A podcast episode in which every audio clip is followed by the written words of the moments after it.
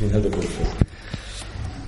Bueno, eh, primeiro que estamos moi honrados de ter hoxe a, a Jane Matthews aquí, en fin, por razóns que serán entendibles na súa exposición, sino conocedes os seus traballos, eh, sobre todo porque enlaza, bueno, un deles está aí, eh, enlaza moito con cousas que nos interesan, especi...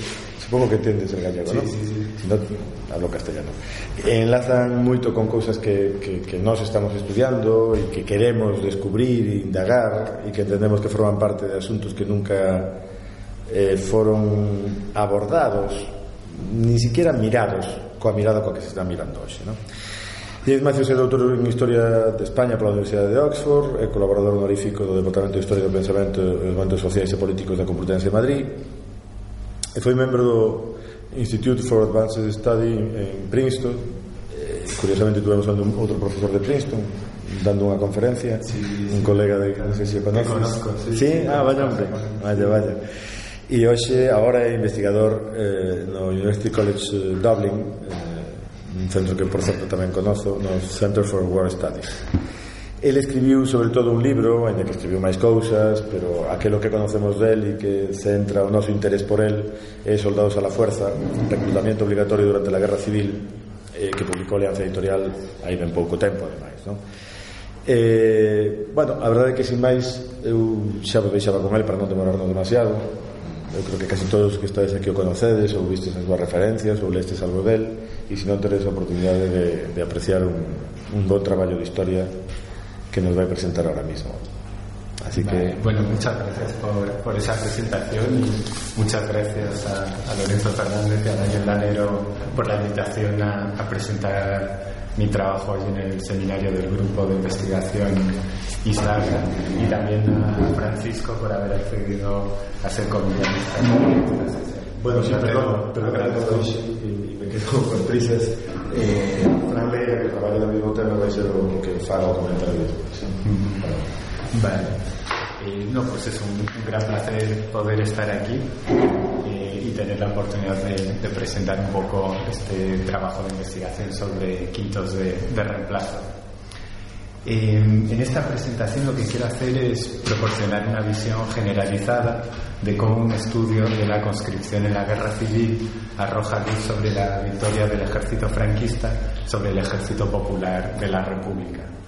Y mientras que hasta la fecha la guerra civil se ha estudiado principalmente desde un punto de vista político, económico, eh, la, influ la, influencia de la guerra sobre millones de españoles, por así decirlo, normales y corrientes, no ha recibido el mismo trato por parte de los historiadores.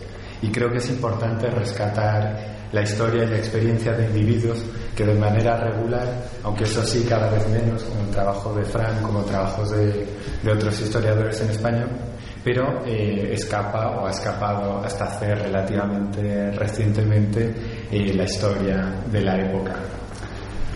Así que, en primer lugar, voy a hablar eh, brevemente sobre la lógica detrás de un estudio del reclutamiento en la guerra civil. Luego quiero enfatizar las similitudes entre los dos ejércitos de recluta, además de las importantes diferencias entre ellos.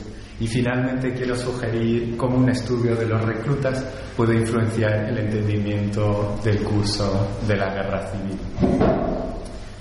Así que el, estudio de la conscripción en la guerra civil española creo que hace tres cosas fundamentalmente. Eh, proporciona una percepción importante acerca de los éxitos y las limitaciones del esfuerzo de guerra de ambos bandos y sobre todo sus capacidades de movilización de una cantidad enorme, un número grande de hombres durante la guerra. En segundo lugar, enfatiza la gestión de esos reclutas eh, por parte de los franquistas y también los republicanos y resalta las diferencias que contribuyeron a la victoria de los primeros del ejército franquista. Y por último, en tercer lugar, reconoce la capacidad de actuación independiente de los españoles, por así decirlo, normales y corrientes cuando se enfrentaban a la irrupción de la guerra civil en sus vidas. Eh, y hablaré principalmente hoy sobre los reclutas en la zona central del conflicto, que cubre las dos Castillas, eh, sin tratar el reclutamiento ni en el País Vasco ni en Cataluña, del bando republicano, ni Galicia ni Navarra en el franquista, y es lo que dice en el libro, porque estas introducen, cubrir estas zonas en detalle en un solo trabajo, introduce demasiadas variables para tratar eficazmente, bueno, en los 15 minutos que dispongo, desde luego, pero incluso también en el libro me era, difícil incorporar eh, todo eso. Y tampoco voy a hablar hoy de los mecanismos de recluta, pero lo podemos discutir en la sesión de debate si, si hay interés luego. Así que la Guerra Civil Española fue una contienda entre ideologías que pretendían imponer su propia versión de la identidad española y su derecho a moldear el futuro. Y en ese sentido consistió en una serie de conflictos diferentes pero superpuestos. Y esto es eh, la historiografía tradicional, ¿no? Un conflicto entre centralistas, regionalistas, tradicionalistas y reformadores, creyentes y partidarios de la secularización, eh, cosmopolitas urbanos, conservadores rurales y también diferentes clases sociales e ideologías políticas que condujeron eh, de la mano de los partidarios de las soluciones más radicales a un choque violento que fue la guerra civil. Sin embargo, también lo que yo argumento eh, es que la guerra civil fue también un conflicto en el que millones de españoles que nunca habían sido voluntarios lucharon entre sí durante tres años y en el que la obligación de matar en nombre de una determinada ideología les fue impuesta eh, a muchos soldados durante la, la contienda. E incluso el número de movilizados forzosos frecuentemente queda oscurecido. Y es conveniente recordar que menos de uno de cada diez combatientes en la guerra civil era voluntario, según datos compilados por Michael Seidman, eh, Ramón Salas Larrazábal eh, y entre otros. Aproximadamente unos 120.000 voluntarios, y perdonad que está en inglés, pero creo que se, entiende. Eh, bueno, está en español y en inglés.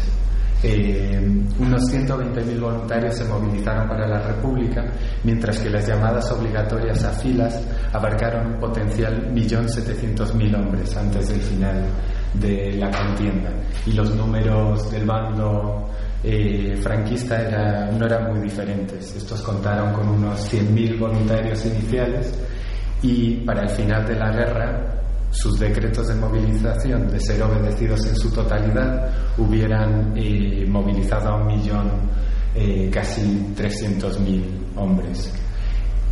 Y Pedro Corral, en su innovadora obra Desertores, la guerra civil que nadie quiere contar, ha dejado constancia de que estos números mayores, los de, los de abajo de, de movilización forzosa, eran el total susceptible a la movilización, pero que hubo una cantidad significativa de desertores y prófugos en ambos bandos, fenómeno que ha llegado a describir como, y cito, el ejército invisible de la guerra civil, la cantidad de hombres que no eh, obedecieron esas órdenes de incorporarse a un ejército u otro.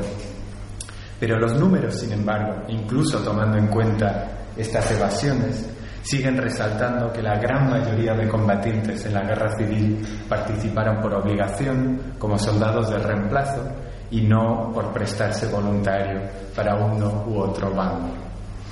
Y este porcentaje de forzados frecuentemente choca con las interpretaciones contemporáneas y subsecuentes de la guerra civil, especialmente en el bando republicano, porque esa disponibilidad de voluntarios se ligaba muy fuertemente a un sentido de la legitimidad y del apoyo popular. Así que la, versión eh, de, soldados reclutados chocaba con esa, esa visión de movilización popular y apoyo popular en ambos bandos, pero tal vez estaba más ligado eh, a la visión propia del bando republicano. Así que en la, realidad, imágenes como la que veis ahora eran o son poco representativas de los combatientes en la guerra civil española. Si tomamos la guerra total como tres años, la época miliciana, eh, se extendió de, bueno, del golpe de Estado en julio, el ejército popular se decreta en octubre, las últimas columnas eh, milicianas se incorporan, pero estos son las últimas, en la primavera del 37. Ya en la zona centro, para finales del año, la gran mayoría de esas columnas milicianas ya están incorporadas al ejército popular. Así que en la época miliciana de la guerra duran meses cuando el conflicto en total abarca tres años. Así que es eh, poco representativa por el tiempo, pero también por el número, como hemos visto anteriormente. Y tal vez me gustaría proponer que una imagen más representativa de los soldados en, en la guerra civil eh, están mejor caracterizados por esta imagen de una caja de recluta en Valencia, en el que se está haciendo un reconocimiento médico a los futuros soldados del ejército popular en este, en este caso. Así que ahora quiero hablar de los retos parecidos a los que se enfrentaban los dos ejércitos a la hora de imponer esa conscripción. Y aunque eran ideológicamente, obviamente, muy diferentes, los dos bandos eran más parecidos, argumento, de lo que pueden aparentar a primera vista y por la razón que los dos se enfrentaron a los mismos retos de tener que armar, motivar y engatusar a sus combatientes renuentes. Como hemos visto de la gráfica, después del golpe militar de julio, solamente una minoría de militantes había internalizado una de las ideologías contemporáneas a tal punto de querer luchar o estar dispuestos a luchar y matar con el fin de imponer su voluntad política sobre otros españoles. Y como resultado de eso, los dos bandos dependieron significativamente de la conscripción para mantener su momento y apuntalar su esfuerzo de guerra. La introducción del servicio militar obligatorio fue automático en el bando franquista, pero fuertemente resistido en el republicano, donde era asociado enteramente con el, eh, con el militarismo y por tanto con el enemigo, con los franquistas, y algo que enfurecía a los anarquistas especialmente, que resistían ese proceso de militarización. Y era uno de los grandes problemas a los que se enfrentó el bando republicano, que era cómo defenderse contra un golpe militar y organizarse para esa defensa sin recurrir a... Em, a técnicas y tradiciones militares. Era, era un, problema que, que, yo creo que en esos tres años nunca se llevó a resolver de forma eh, eficaz o que, o que llegase a complacer a, a todos los grupos dentro del, del bando republicano. Pero lo que es claro es que sin echar mano del reclutamiento, ninguno de los dos bandos hubiera podido contar con la mano de obra necesaria para luchar una larga guerra de tres años de duración. Y sin embargo, ambos bandos tuvieron grandes dificultades a la hora de retener y motivar a sus reclutas durante toda la guerra. Los conscriptos encontraron ingeniosas y frecuentemente desesperadas formas de eludir el servicio militar, incluyendo, por ejemplo, la autolesión, la deserción, y muchos otros prestaron su servicio a regañadientes e intentaron mantener un perfil bajo en lo que duraba la guerra. E incluso cambiaban, como veremos ahora, cambiaban de bando cuando esto les convenía eh, o favorecía. Y lo que creo, lo que quiero subrayar aquí es que el conflicto español recalca la dificultad de mantener una sostenida movilización durante una guerra civil y también revela la cantidad de opciones, además de servir como soldados, que tenían los hombres en edad militar cuando eran llamados a filas por sus respectivos bandos.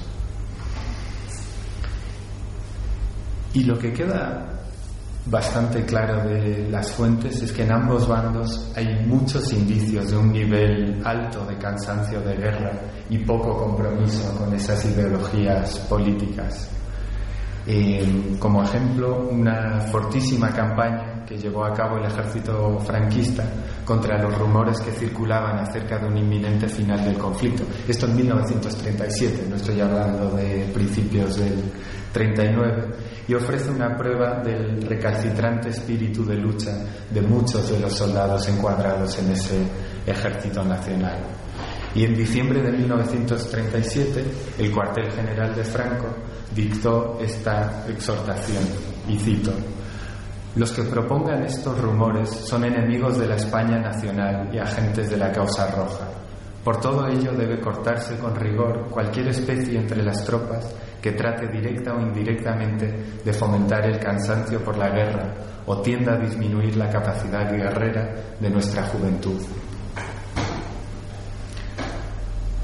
Por otro lado, los combatientes republicanos también acogieron bien estos rumores de un alto al fuego y una paz negociada, demostrando un deseo fuerte también de poner fin al conflicto. Y también en 1937 los comisarios de la 31 Brigada Mixta, por ejemplo, recibieron la orden de, y cito, aplastar en el acto toda campaña que hable de armisticio, de conciliación. Así que en el transcurso de la guerra, en ambos bandos, eh, soldados sufrieron una decaída importante de moral y la deserción se tornó lo suficientemente frecuente para alarmar a los jefes militares, incluso si los números totales ahora son imposibles de, calcular con, con exactitud. Sin embargo, argumento que fue el ejército franquista que consiguió lo que, lo que he descrito como un nivel mínimo de servicio efectivo, un nivel mínimo de servicio efectivo de sus reclutas que eran en muchos casos eh, renuentes. Esto lo que hizo fue ayudarles a mantener un nivel más alto de disciplina y apuntaló su éxito gradual pero razonablemente constante durante la guerra. Y esta disciplina en el ejército franquista se consiguió principalmente a base de amenazar con ejercer una severa violencia punitiva sobre los soldados que no dieran su conformidad al nuevo régimen. Pero estas medidas por sí solas eh, no justifican la relación del ejército franquista con sus soldados que iba más allá de la pura represión. Por motivos tácticos, el ejército rebelde introdujo un sistema paralelo de recompensas destinadas a promover un nivel mínimo de servicio efectivo entre los reclutas y esto es lo importante, incluso en aquellos con un historial izquierdista conocido desde eh, de antes de la guerra. Si servían satisfactoriamente, podían redimirse de su pasado, siempre hablando aquí desde la perspectiva franquista, claro, eh, protegiendo así sus vidas y también la de sus familiares en la retaguardia eh, rebelde. Sus privilegios, como los subsidios al combatiente, la paga de campaña, también quedaban garantizados bajo esas mismas condiciones. Y en ese sentido, el ejército franquista fue un refugio seguro, y aquí estoy hablando desde el punto de vista de la represión rebelde, obviamente no de los peligros de primera línea, para quienes estaban dispuestos a contribuir al esfuerzo de guerra, incluso si tenían antepasados, eh, antecedentes izquierdistas. Y esto eh, creo que lo resume muy bien eh, un escrito del general Carlos Asensio Cabanillas, que en diciembre de 1937 eh, dicta la siguiente orden que, que cito.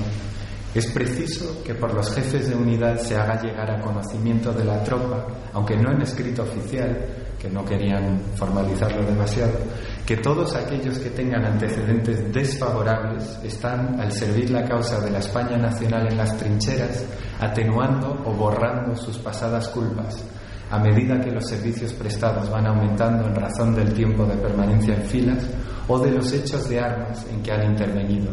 Su buena conducta no solo beneficiará a ellos, sino también a sus familiares. Y ese mismo sistema se empleó de forma igualmente eficaz para reciclar, lo que llamaban reciclar, a los reclutas enemigos entre la población de desertores y prisioneros de guerra y convertirlos en nuevos soldados franquistas. Miles de antiguos soldados republicanos acabaron vistiendo el uniforme franquista y lucharon de forma tan eficaz como lo habían hecho antes para el gobierno republicano. Una hazaña que argumento que no solamente se podría haber realizado eh, por miedo a las represalias, ya que en ese caso muchos de estos nuevos soldados franquistas hubieran preferido desertar. Y la habilidad de los rebeldes para asegurarse la participación incluso de los combatientes recalcitrantes les dio una importante ventaja sobre las fuerzas gubernamentales. Y es uno de los factores que yo argumento que ayuda a explicar su victoria en la contienda. Además, a medida que el ejército franquista ganaba terreno, la perspectiva de esa victoria eh, del bando rebelde y la necesidad de adaptarse a esa realidad hicieron el sistema cada vez más convincente. Y por tanto la disciplina de los franquistas fue más eficaz y les permitió retener reclutas en sus filas que no eran inicialmente adeptos a la causa de los sublevados. Y para daros algunas cifras, perdonad que está en inglés de nuevo, eh, no, que yo sepa no existen números para el conflicto entero, pero lo que sí sabemos es que a finales de 1937 los franquistas habían tomado casi eh, 110.000 eh, soldados republicanos prisioneros durante, durante la guerra.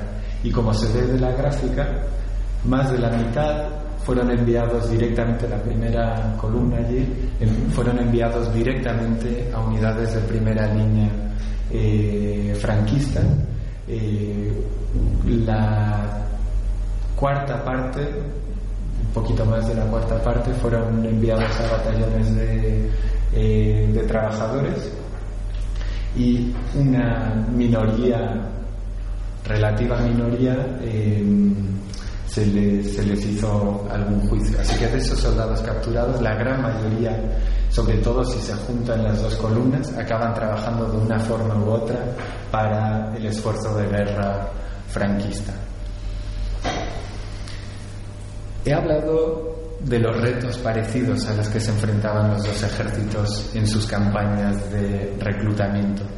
Lo que quiero hacer ahora es hablar brevemente de las principales diferencias eh, y que argumento que son los relatos embellecidos de, la guerra, la, eh, visión de, de, la causa por la que se luchaba. Y como consecuencia de la renuencia de tantos combatientes, motivar a estos nuevos reclutas fue una tarea enormemente difícil.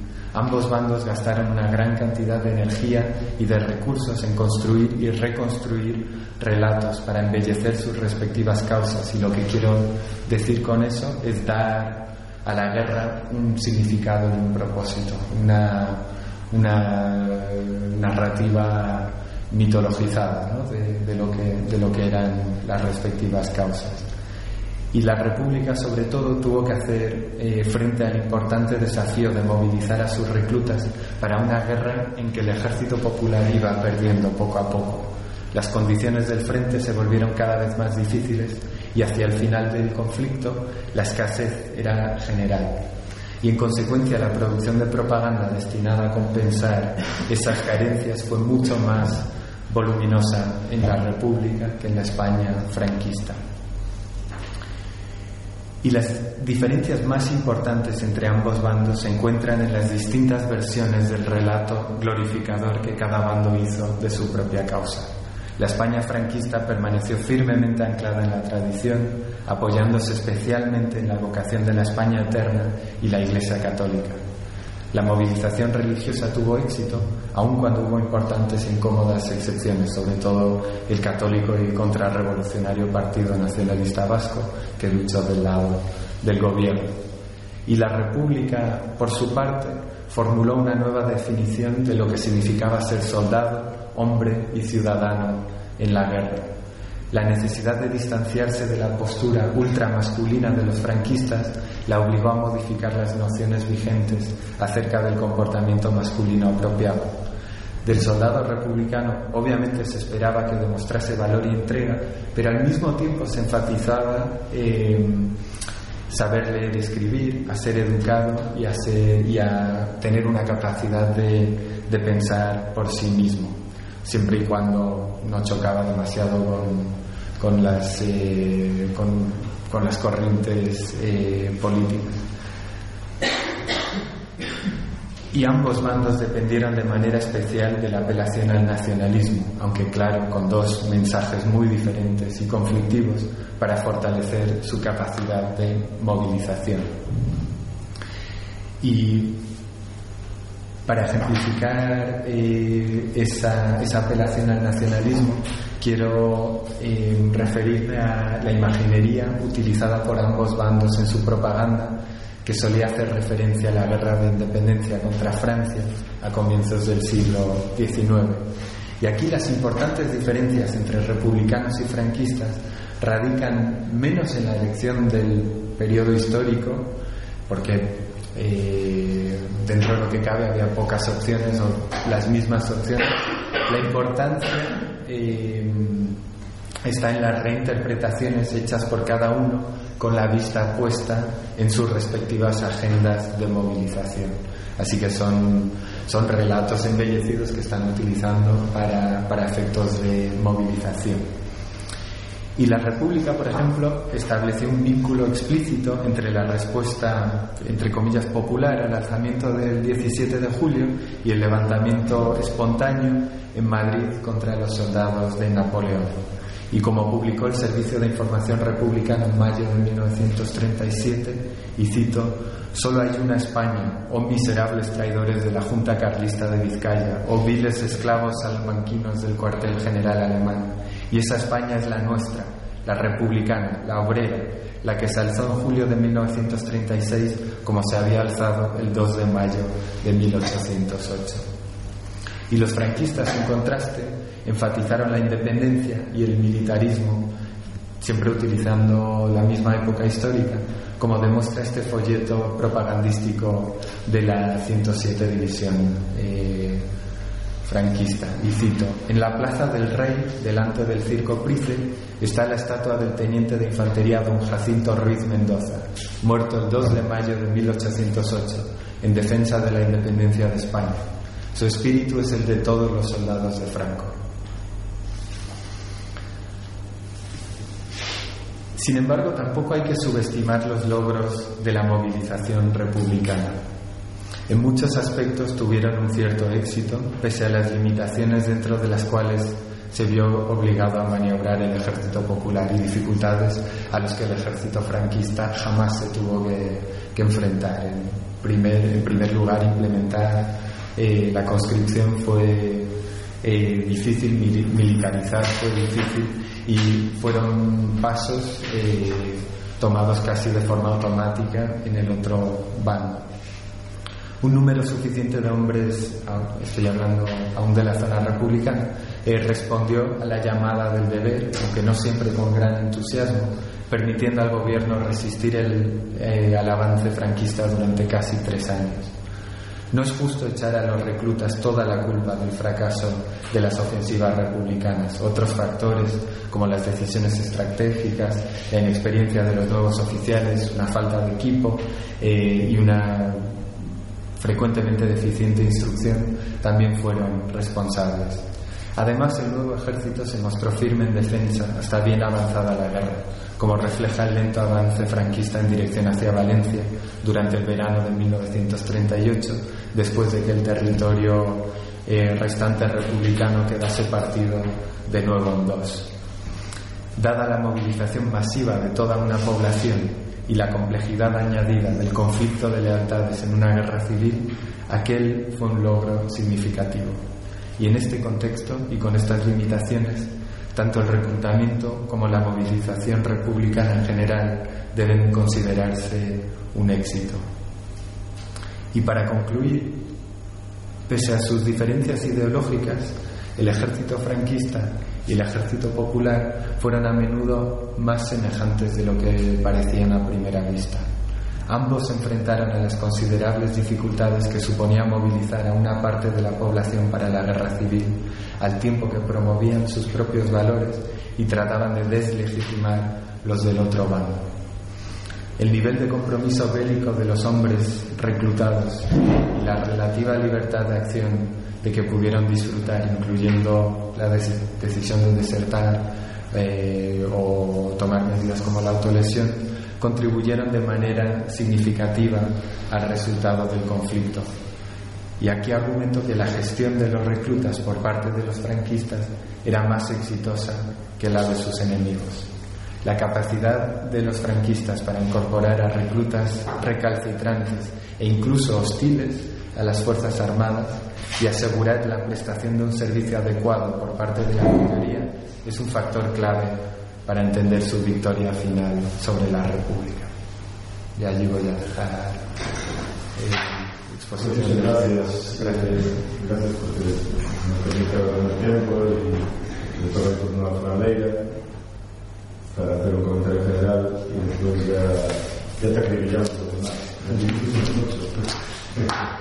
En el mejor sentido de en primer lugar, enhorabuena. En segundo, pues agradecer que contar conmigo para hacer los comentarios en este seminario. Se supone para mí, en primer lugar, un abonado, pero también un problema, puesto que es muy difícil aportar algo más interesante a una investigación como la que se presenta hoy, que ya ha sido diseñada por historiadores como de Moradier, por Preston, Stanley Payne, y que incluso el escritor Antonio Núñez Molina dedicó unas páginas en la, en la sección de cultura del diario País, ¿no? que con esto decir Estamos en una investigación de referencia eh, obligada para todos los estudiosos de la guerra civil, especialmente sobre el fenómeno militar y que trascenderá tanto a nivel español como europeo. ¿no? Para empezar mi intervención quería citar un extracto del libro de Gabriel Xavier, de El miedo, que menciona sus experiencias como soldado durante la Primera Guerra Mundial. ¿No? Empieza así, eh, le preguntamos qué hizo usted, le decían, y le decían, sí, pues bien, Estuve en marcha día y noche, sin saber a dónde iba, hice ejercicio, pasé revistas, abrí trincheras, trasladé alambradas, sacos terreros, vigilé en la pasé hambre sin tener nada que comer, sed sin tener nada que beber, sueño sin poder dormir, frío sin poder calentarme, piojos muchas veces sin poder rascarme. Eso es todo, todo le preguntaba, sí, todo. O mejor dicho, no, no es nada, le voy a decir la gran ocupación de la guerra, la única que cuenta. He tenido miedo. He tenido miedo, perdón. Este estado sintetiza eh, la experiencia que sufrieron muchos de los soldados, no solo a lo largo de la Primera Guerra Mundial, sino generalmente durante todos los conflictos bélicos. ¿no? Una visión sobre la participación personal en una contienda armada que no pudo operar en España, sobre la guerra civil, la causa de la internacionalización de la guerra, durante 40 años se instauró una dictadura que no permitió que se hiciera pública otra imagen de los soldados que la presentada por la propaganda franquista. ¿no? Una imagen que identifica la guerra y convierte en a sus protagonistas. Por lo tanto, al contrario de lo ocurrido para el resto de los países europeos, incluido en España para los años 20 y 30 en relación con la guerra colonial, eh, no tuvimos otra visión de la guerra que la de como un elemento regenerador de la nación, del individuo, ¿no? Se observa en Tempestores de Acero, del Juncker, por ejemplo, los combatientes alemanes de la Primera Guerra Mundial en su novela, y la que es la guerra, por decirlo, un mito de comienzo nuevo, y que los estudiosos del fascismo denominan como mito panigenésico. ¿no? Esto junto con la duración de la dictadura condicionó y condiciona la forma en que se abordó el, escenario militar de la guerra civil permaneciendo marginal dentro de la historia académica. ¿no? Este libro que se presenta aquí viene a ocupar ese rastro historiográfico sobre un fenómeno de la movilización bélica del que tenemos mucha memoria pero muy poca historia. Memoria colectiva por la impuesta por la propaganda, que hiciste referencia toda a, a mismo, ¿no? en la que vivían los contendientes impetuosos eh, soldados rojos y azules y por otro una memoria que se fue poniendo sobre todo a partir de la transición, que era en los años 60, que tiene su principal reflejo pues, en el humor de Gila, ¿no? en la de Está bien el enemigo, o en la película de Berlanda, La vagina, ¿no? que es eh, esa que te contesta cuando le preguntas a sus familiares que mi abuelo o mi padre fue a la porque le tocó ir, ¿no? En este sentido, esta investigación viene a demostrar cuánto de memoria hay en la historia y cuánto de historia hay en la memoria, puesto que ambos relatos se entrecruzan, mostrando la complejidad inherente a todo, acontecimiento histórico. No existieron realmente los soldados profundamente ideologizados, pero también existió esa confraternización del enemigo, no a lo mejor tanto para organizar una corrida de toros, como se muestra en la película de pero sí, como se ve en tu libro, ¿no? como para organizar un partido de pelota vasca. Eh, para entender, ¿no? porque como ya se ha explicado perfectamente el trabajo, ¿no? pero para entender la importancia que tiene este trabajo, para entender también cómo funciona eh, la historiografía sobre este fenómeno, pues destaca que seguramente todos los presentes aquí pues, podrían citar 10 trabajos sobre la violencia política, perpetrada en las retaguardias, tanto franquistas como republicanas, sobre la preparación del golpe, sobre la situación de los poderes locales, pero son realmente muy pocos trabajos que se centren en el frente de guerra. Eh, al contrario de lo ocurrido en la historiografía que tanto desde la óptica militar como desde la historia social y cultural, el fenómeno ha tenido una mayor relevancia tanto en el mundo de la investigación académica como en la ¿no? Los casos presentes historiográficos son los que te aporta son Michael Silman, ¿no? como el trabajo del año 2001, si no me equivoco, el otro del año 2002.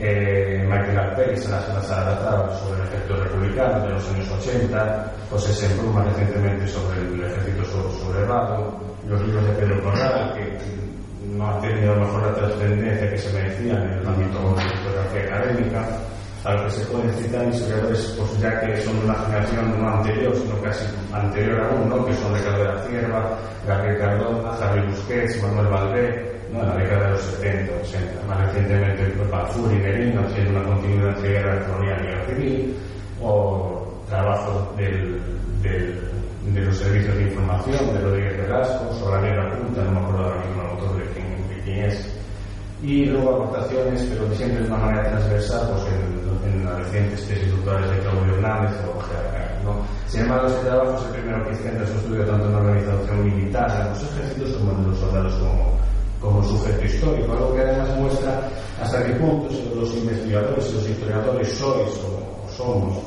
y, eh, hijos de nuestro tiempo, ¿no? y las preguntas que hacen, se hacen a nuestro pasado, pues dependen más do que pensamos de, de nuestro presente. ¿no? Entonces, un momento en el que el sujeto pues, se reivindica como sujeto político. ¿no?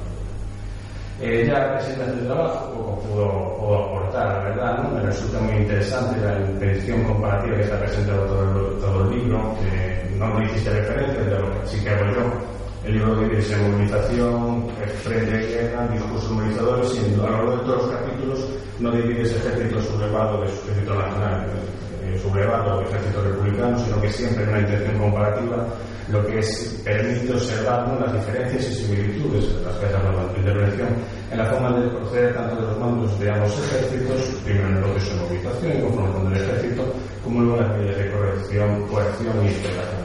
¿no? Asimismo se observan las similitudes que existen en la continuidad de la trinchera, es decir, de cómo un individuo eh, vive una experiencia como es la, la, guerra civil. ¿no? En este sentido, es destacable una de las principales conclusiones, y cito a Corpresto en el prólogo, que son que una de las conclusiones más sorprendentes es la de que una amplia eh, proporción del gran número de soldados de reemplazo que conducían los ejércitos de ambas zonas estaban ideológicamente no estaban ideológicamente comprometidos con el bando que luchaban. ¿no? Esto no es más que consecuencia de esa heterogeneidad de una sociedad civil compleja, social y políticamente, que se había que se había ido construyendo a lo largo del siglo XIX y XX que fue la que llegó al 18 de julio. En el fondo, este trabajo que evidencia es que esa sociedad era una sociedad compleja y que, que, la guerra civil también obligó de manera, a través de un reclutamiento militar, pues, a posicionarse en uno de los dos bandos. ¿no? Sin embargo, aquí que introducir algunas cuestiones que considero eh, más de carácter personal a de este fenómeno, ¿no? Puesto que la actitud de los soldados de reemplazo es un fenómeno más complejo, no digo por cómo lo tratas en tu trabajo, sino por la lectura que, que se puede extraer de él, ¿no? Puesto que viene a reforzar pues, esa visión de las tres Españas, los que se enfrentan a una tercera que se vio involucrada sin quererlo. ¿no? Esto es, es, cierto, ¿no? pero considero que es un fenómeno más complejo, incluso se puede decir más confuso aún. ¿no?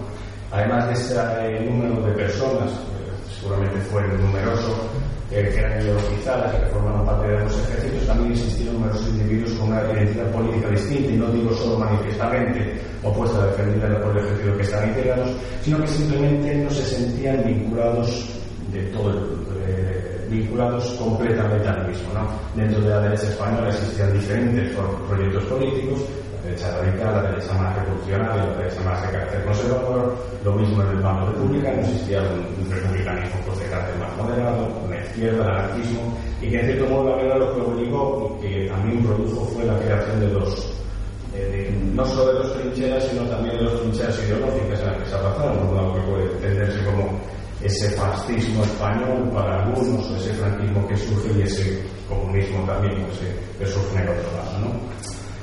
Pero, en mi opinión, lo que aporta, si me parece muy interesante, es que especialmente que hubo es que muchos soldados eh, estaban principalmente en contra de la participación en la guerra, independientemente de la violencia política de estos, ¿no? Aquí también, pues, destaca, ¿no? No, no existe tanta presencia, tanta presencia de intervención, que tanto dentro del ejército republicano, que son más conocidos, los sucesos de Barcelona, el golpe de Casado, hubo intentos por intentar cambiar de no solo los poderes, sino también el, el, devenir de guerra, pero también se produjeron en el bando nacional, ¿no? Aquí hablo de la posición de grupos de la falange por el poder de, excesivo poder que tenía el ejército, lo que era una desafección en estos grupos, la creación a partir del 38 de un grupo que se llama la Falange Auténtica que intentó pues, desde dentro pues, hacer un golpe de mano, ¿no? lo que se podía podríamos incluso llamar un golpe franquista ¿no? y buscar una, una paz consensuada de la documentación que contiene Haga, con, que vinculado también con partidos dentro del carlismo, también con la FARC de, la oposición. Luego, si bajamos más atrás de eso, usando el título del libro de Pedro Hernández, pues podemos observar que incluso entre los políticamente afines, siempre esto de comillas, pues en muchos casos existió una oposición a a lo mejor una posición al nuevo régimen que se está construyendo, es una posición en cómo este estaba, se estaba construyendo, ¿no? porque en cierto modo es, es el delito fundacional del franquismo, ¿no? y es algo que también necesitamos. ¿no?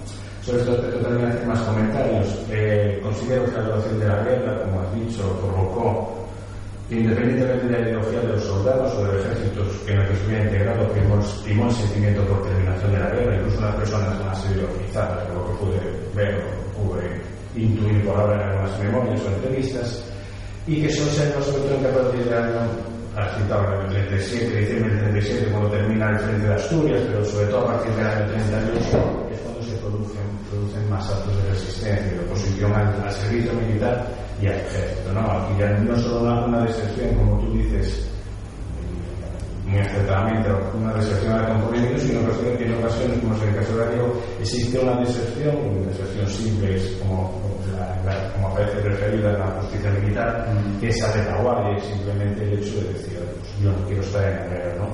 Además, a partir de este año, cuando las medidas de vigilancia y castigo, esto es una apreciación personal, eh, pues cobran una mayor presencia y una mayor organización en el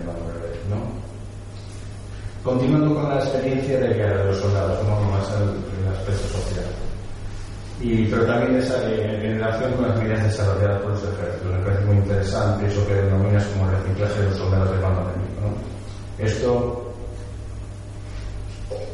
esto evidencia como una guerra civil es diferente a una guerra de generaciones, aunque esto supone también que investigar más a nivel social y ver hasta qué punto es cierto, pero es difícil entrar guerra entre naciones porque se ve como un soldado por ser los ejércitos no son diferentes, sino a menudo enfrentados, ¿no? como las autoridades militares, especialmente las, las insurgentes, las rebeldes, permitieron identificar ¿no?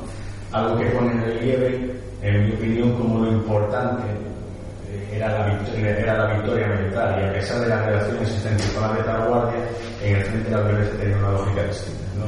Eso, en vinculación con lo que sería la política, a partir de a la intervención. Siguiendo con la actitud y su comportamiento de los soldados, me gustaría hacer una precisión. ¿no? El trabajo muestra perfectamente cómo ambos ejércitos se apoyaron principalmente en el reclutamiento militar obligatorio, también como en el frente a menudo las preocupaciones pues eran, eran de carácter eran por cuestiones, por cuestiones mundanas como estaban en la trinchera, es decir, el hambre, el higiene, los piojos, eh, cómo se encontraban sus familiares, entonces usaban las cartas que citas de, de, de, de, Asturias de otras memorias, los trabajos de, de, de, también.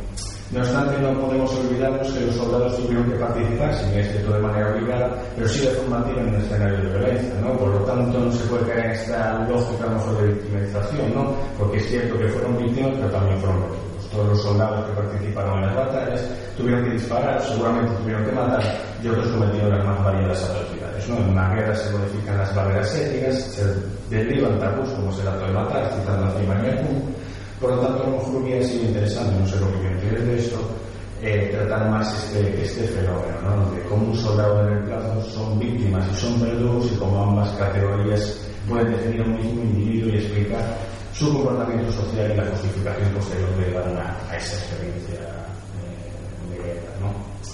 También a lo mejor esto es una crítica que, bueno, que han hecho algunos investigadores como Ángel Alcalde o Miguel eh, Ibarra de Barcelona, ¿no? pues a lo mejor sí que se echa falta un poco esa vertiente cultural, ¿no? para decir, a lo mejor no, no tanto para, para posicionarse a favor de ellos, que yo en mi caso no lo estoy, pero sí como, pues, como para intentar eh, explicar cómo afectó la identidad de los individuos en unas, personas que tienen esas características, su papel en la nacionalización de, de, de, los soldados y su vinculación en ambos ejércitos con el crecimiento pues, del fascismo y comunismo que estaba presente en la, en la lucha propagandística, ¿no? digamos, en la lucha en cualquier caso, las asociaciones que haces, pues en, en, suelo estar casi todos de acuerdo contigo, ¿no? Creo que a lo mejor sí que hubiera sido mejor tratar mucho más en profundidad, pero bueno, tampoco son los objetivos de tu trabajo, son apreciaciones que, que hago yo ahora casi puedo hacer, ¿no? En relación con las actividades desarrolladas por los ejércitos, me parece impecable la descripción que, que, que, hace de los procesos de reclutamiento, de las unidades de financias que estuvieron de frente, la preocupación por las labores de intendencia, del armamento, la alimentación, las pagas, los permisos, y está entrando a más en, en, en, una cuestión concreta, ¿no? además supongo que estará para salir un artículo tuyo en ayer, pues no estoy quizá de todo de acuerdo, sé que, que tú lo matizas mucho más de cómo lo voy a decir yo ahora, pues no estoy quizá muy de acuerdo con la comparación que realizas entre militares, entre capellanes militares y comisarios políticos del ejército republicano. Eh, por un lado, porque el servicio eclesiástico, que si no me equivoco se suprimió en el año 31, el año 32, eh, pues no, no se restituyó hasta el año 44, después, por, lo menos después de la guerra, no estoy seguro ahora eso. Por lo tanto, no existía una organización tan, tan, tan, tan importante de la capella, capellanía en el frente durante la guerra, como que sí pasaba con el bando republicano. ¿no? Además, por lo que yo he visto, los capellanes se reclutaban, es una, una, una visión personal, se reclutaban entre los monstruos de cada reemplazo, eh, que luego fueran frailes o curas, ¿no? Hacía el listado de los mozos antes de ir al frente, pues todos los que fuesen eh, frailes o curas pues participaban en, en, eran destinados a labores de capellanía, además de la participación sobre todo en el año 36 de muchos de estos como voluntarios, ¿no? En el caso del actual régimen militar, que es Galicia, Asturias y León, que es lo que yo más estudio, más a Galicia, pero por, por las fuentes eh, que domino de esa zona, pues no es un fenómeno muy destacable, ¿no? lo que desmitifica un poco por esa fotografía que seguramente todos tengamos en, en, en mente de los seminaristas armados antes de, del conflicto. ¿no? Un grupo grande, pues, en el fenómeno, pues en el caso gallego, pues podría ser, a lo mejor 10 capellanes los que son destinados a, filas. ¿no? Además, la documentación que consulté normalmente estas eh, servicios de información de, y de declaraciones a del campo que, que proceden del bando sublevado que van al campo republicano, pues siempre hay que tener un poco de matiz, un poco de cuidado con esta documentación, pues muestra que sí que es cierto que existieron misas de campaña, que los, eh, pero que los capellanes no tuvieron el papel, los comisarios políticos especialmente referidos con la vigilancia y buen hábito Además es cierto que la defensa de la región fue un mito movilizador, muy importante y que caló muchos soldados, pero no creo que se pueda equiparar con con los objetivos que puede perseguir un, una ideología ¿no? en, en, mi opinión, ahí ese, en, ese plano yo creo que habría que, que, que seguir. ¿no? Luego, a modo de, de, preguntas que contestes en tu libro, muchas las has contestado ahora, ¿no?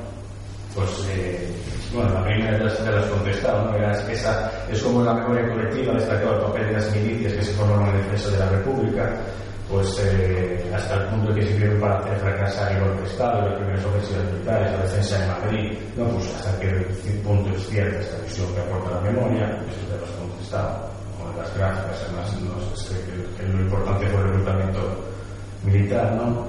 En, el, en relación con eso me parece muy interesante la solución y análisis que hace sobre la tensión existente entre ideología política y milicias republicanas que eran durante la guerra de corte antimilitarista, con la necesaria militarización y aplicación de una jerarquía y disciplina militar. ¿no? Pues en esto también has contestado, ¿no? ¿En qué sentido perjudicó el rápido desarrollo de un reclutamiento militar por parte de los republicanos? Luego también si consideras que tuvo más éxito la organización militar del ejército nacional la de los republicanos, de, de los republicanos, y si eso tuvo relevancia con la victoria final del ejército de Franco, y luego finalmente algo de lo que no hablas, pero que se llama los Carrefour, ¿no? no sé qué opinión tienes sobre esto, ¿no? Hasta qué punto la experiencia que muchos de los mandos tuvieron en la guerra de África les sirvió para tener una administración más eficaz. que se hacía lo que fuese más eficaz la organización, ¿no? Eh, sobre este punto señalar la importancia que tuvo el ejército rebelde que explicaste de la aplicación de las nuevas medidas de disciplina militar, porque fueron compensadas con otras de integración, como la, la, que denominas el reciclaje y otras de recompensa. En este sentido, a lo mejor sí que podría echar en falta, son críticas que, en fin, sé que no son los objetivos de tu trabajo, ¿no? pero por decir, pues sí que, pero hubiera sido interesante tratar ese proceso de desmovilización inmediato y las medidas de atracción a nuestros combatientes se desarrollaron en el año 38, ¿no? y que pudo explicar la actitud de muchos soldados en los últimos momentos de la guerra. ¿no? Para finalizar, otra pregunta es eh, una de las creencias, no sé qué, opinión tienes de esto, que existe sobre la guerra que la intervención extranjera decantó la victoria a favor de los rebeldes, ¿no? la participación alemana e italiana. Pues cuánto es cierto en esta afirmación y qué peso pudo tener en relación con otros factores de carácter organizativo. Luego, eh, una de las hipótesis que manejo es que en el frente los sublevados intentaron utilizar.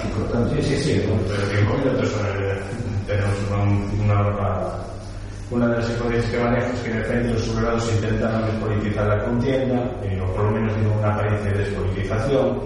Creo que se explican los motivos de la guerra, tuvieron importancia los mitos movilizadores, pero sí que procuraron separarse de esa tradición liberal parlamentaria, ¿no? Pues a eso lo que con despolitización. Aún no veo que se produzca en ¿no?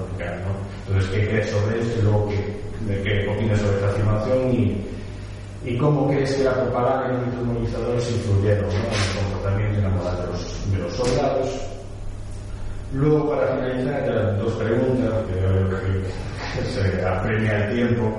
Eh, pues eh, ya que además estás en, en, un grupo de investigación que se dedica al mundo de, de lo bélico, pues a lo mejor tienes, no, no lo el libro, a lo mejor sí que puedes aportar algo, ¿no? Eh, si puedes hacer una comparación con producidos en otras guerras, como las guerras mundiales, ¿no? tanto a nivel de las vivencias de los soldados como especialmente de la organización militar. Una virtud que pone, es decir, ¿cómo eso quiere decir? Por ejemplo, cuántas similitudes hay entre la más y el ejército nacional, entre el ejército soviético y el ejército popular. Pues una de las virtudes de tu trabajo es que muestra que muchas de las medidas y de las necesidades de los soldados, de, de los ejércitos, sean compartidas, ¿no? Eh, las medidas coercitivas, como por ejemplo las unidades de castigo, no son exclusivas de los para finalizar, en esta más pensando que iba a haber más, más estudiantes de máster, ¿no? Pero veo que, que, no hay, supongo que tampoco están muchos de esos profesores, ¿no? Pues quería preguntarte por qué, eh, sobre el proceso de, de investigación, ¿no? Que, que, te preguntaste si las fuentes, porque en el fondo tratas son fuentes muy interesantes y muy innovadoras, que te preguntaste al principio y por qué fuiste a consultar qué, ¿no? Que es algo que siempre suele abrir muchas veces a mente, ¿no? De cómo enfocar una investigación. Nada más para terminar, eh, simplemente darte la enhorabuena por tu trabajo, pues que sin duda un camino historiográfico nuevo, tanto por la innovación de las preguntas que planteas y que contestas, como por la documentación. Si te parece ahora, entras un poco en esta parte del debate y luego entramos en el debate más general con todo el demás. Así que hago unos comentarios. Sí, bueno, son muchos. Has, has tocado sobre no, muchísimos temas muy interesantes. Podría estar hablando dos horas solo contestando todos los puntos que has, eh, puntos después, los, que, los que has tocado. Pero, eh, bueno, lo que voy a hacer, yo he ido anotando cosas, así que voy a, voy a contestar o. Eh, entrar en detalle en algunas cosas, así que he visto sí, no, que están. No, no, no, no, todo lo contrario, yo tendría. Eh, algo que se me hace interesante es lo que hablaste de esa relación entre la historia y la memoria, ¿no? A nivel popular yo creo que siempre se ha dicho, siempre se ha sabido lo que dijiste justamente a cada quien le tocó en luchar en el ejército donde estaba y esa eso desde siempre yo creo que se ha sabido pero no eh, no se había analizado tal vez desde un punto de vista más histórico ¿no? de esa, esa realidad de, de experiencia eh, y también la geografía tiraba muchísimo en el sentido de que un soldado que tuviera parientes en una zona eh, si estaba en la otra era muy probable que se pasara, pero si tuviera parientes en la misma zona, eso le ataba muy fuertemente a, al bando en el que estaba. y el sistema, no entré en detalle, eh, pero el sistema este de reciclaje, lo que hacía también el ejército franquista era pedir a los desertores o prisioneros de guerra un aval dentro de la zona franquista y si este luego se pasaba a la zona republicana, los que entraban en problemas con las autoridades militares de los sublevados eran los propios avales de, ese soldado. Así que era una forma bastante, bastante inteligente de crear lazos que eran muy difíciles de, romper. Eh, y luego también eh, la familia eh, y la posición geográfica de la familia tiraba muchísimo. Me he encontrado con casos extraordinarios de soldados franquistas desertando en febrero del 39, eh, cuando ya incluso para eh, soldados de tropa era bastante evidente que, que, los rebeldes iban a ganar la guerra, y sin embargo soldados que tenían familias, por ejemplo, en Valencia, cuando el ejército franquista estaba tan cerca, pues varios de estos desertan eh, intentando reunirse con familiares sabiendo que la guerra va a acabar bastante eh, prontamente. Así que la geografía creo que es, que es esencial eh, no solamente para determinar en qué bando luchaban los hombres españoles, sino en qué bando se quedaban y las opciones que tenían. También me he encontrado con relatos de eh, hombres de Sevilla, en este caso, que se alistan en Falange eh, precisamente para como ganarse credibilidad dentro del bando sublevado para proteger a sus familias porque son de, conocidas familias o agrupaciones o eh, se mueven dentro de, un ámbito de izquierdas que Sevilla tenía bastante fuertemente en la preguerra y era una forma de, refugiarse de, lo peor de la, de la represión o intentar hacerlo por lo menos. Luego también otro tema que se introdujo en varias de las de los comentarios y las preguntas que hiciste Fran es de eh, cambios en el tiempo ¿no? y em, algo sobre que quería mencionar que no, no tuve oportunidad de hacer en la presentación es la esta creación de estado de régimen de em, porque muchos de los combatientes eran renuentes al principio pero la guerra civil lo que ofrece a ambos bandos es una oportunidad eh, que no han tenido antes para justamente movilizar y eh, hacer una campaña propagandística eh, dirigida a estos reclutas que en algunos casos sí que tiene éxito. En ese sentido, ambos bandos también participan en la creación de nuevos republicanos y nacionalistas durante la guerra.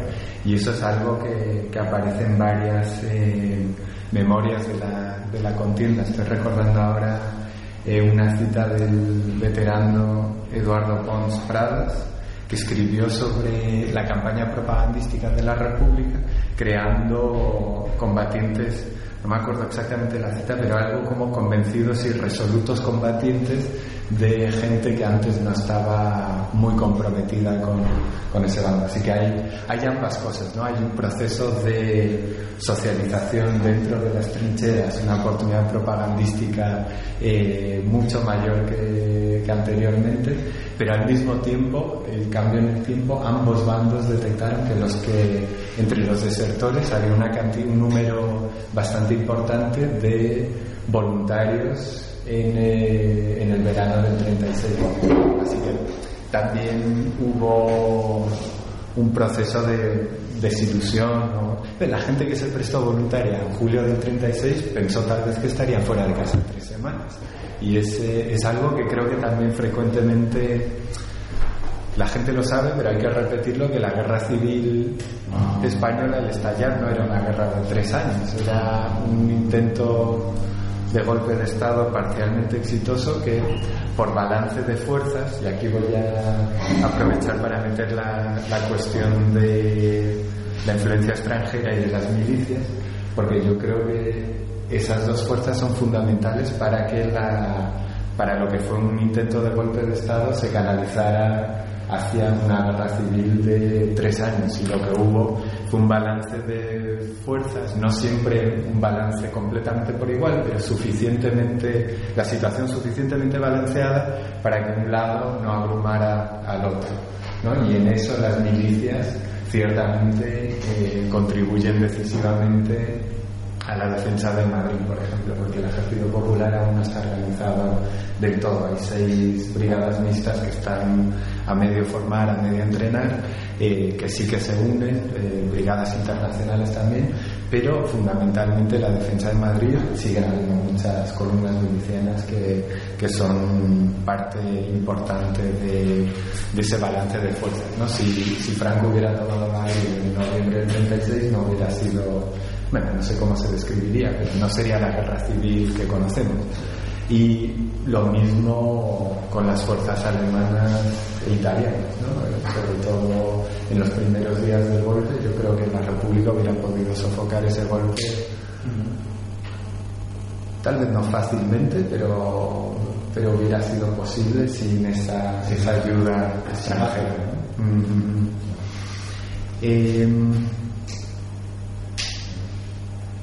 Luego, algo que se me hizo muy interesante fue lo que hablaste de esa socialización en el frente de guerra, ¿no? Y eso, eso vuelve lo que hablaba de la creación de nuevos eh, franquistas y nuevos republicanos que, que, que en ese sentido estoy completamente de acuerdo que no son, de cierto modo, los combatientes los eh, quintos de reemplazo son víctimas porque son llamados a fila, pero una vez allí se vuelven en, fuerza armada de los dos bandos y también son eh, toman una parte activa en, en la guerra. Em,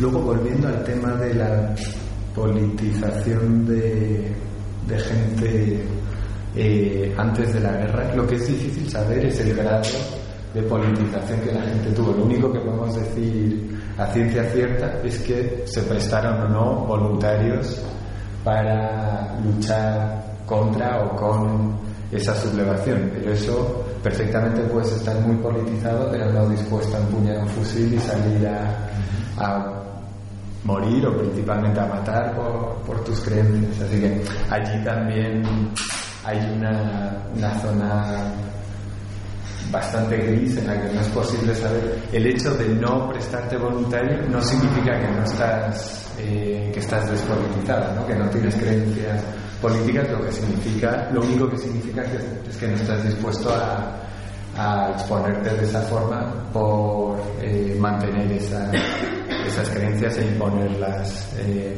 sobre, sobre otros.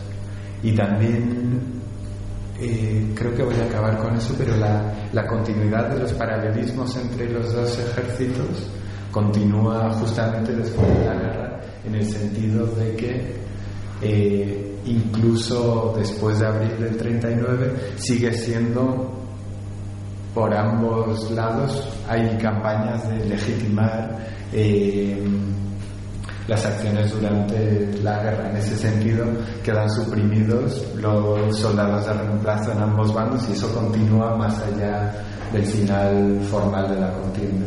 Y sería, sería muy interesante continuar la investigación y ver qué es lo que pasa con, con estos. Eh, bueno, es algo que, que ha hecho Ángel Alcalde, ¿no? que, está, está trabajando temas de, de excombatientes pero ver seguir esos quintos de reemplazo más allá de, del final de la guerra en el, en el 39.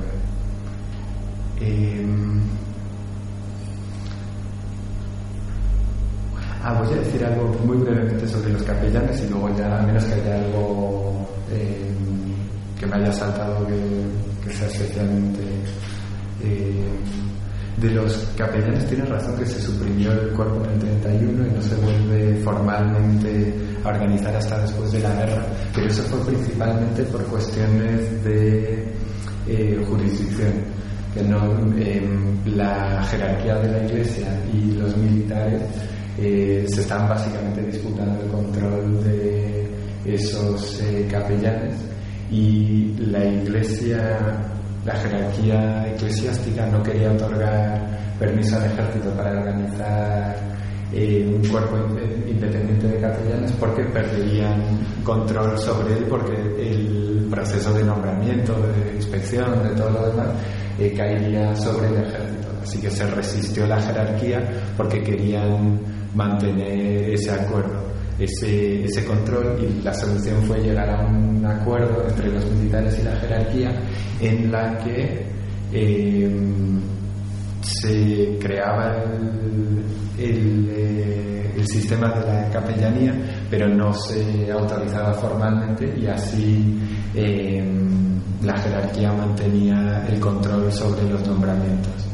Eh, así que estaba, yo argumentaría que estaba más, que el hecho de que no se creara formalmente no significaba que no estaba eh, el sistema empleado en la, práctica y, que había un sistema bastante bastante organizado y completo a la hora de eh, reclutar y de,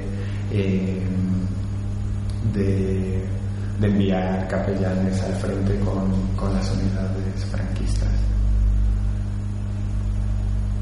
Creo que lo voy a dejar allí para, para poner de la historia. Sí, pasamos a, al resto de preguntas. Sí, hay, creo que sí. ¿No? No lo tengo, pero bueno. Yo puedo hablar de dos. Eh, agrupamos, ¿te parece? Agrupamos unas cuantas. Vale, vale, sí, sí. Y luego volvemos, ¿vale? Sí, sí. Yo quería preguntarte por el proceso este del, paso de un bando a otro. Eh, ¿Lo ves muy relacionado con avances territoriales? De, pues supongo que será mucho, más, mucho mayor en el bando, en el bando franquista que en el bando republicano, en el bando republicano también lo haya, precisamente por ese factor que dices tú del espacio, de que son precisamente la gente de zonas que se invaden y por tanto sus familiares quedan dentro y entonces pues quizás sea eso lo que impide que en el bando republicano este proceso alcance ese, ese nivel, bueno, supongo que el libro será algo, algo de lo que tratas, pero bueno, así en la presentación ahora. Eh, me gustaría profundizar un poco más en hasta qué punto los avances, aunque sean lentos y muy progresivos del, del bando franquista, permiten ese proceso.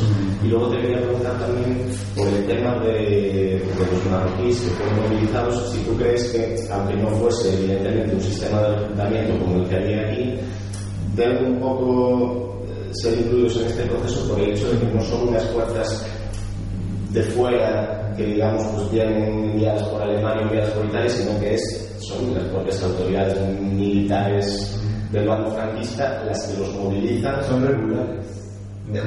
Sí, porque claro, muchos vinieron como voluntarios, pero muchos fueron reclutados a la fuerza también en, el, en el, norte de Marruecos.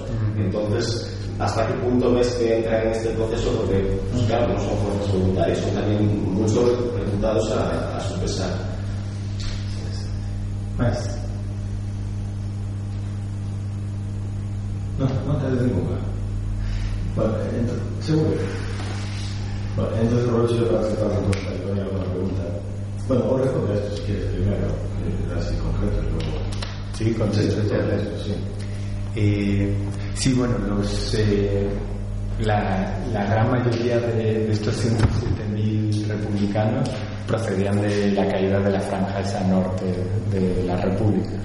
Eh, así que sí, estos eran por, por avances del ejército franquista y los republicanos tenían un sistema parecido, pero como bien dices, avanzaron tan poco, conquistaron tan poco territorio en comparación con los franquistas que en verdad el número del que estamos hablando es mucho menor que, que los números que, que manejaba el, ejército rebelde. Pero la pregunta es por los que se pasan o por los que desertan.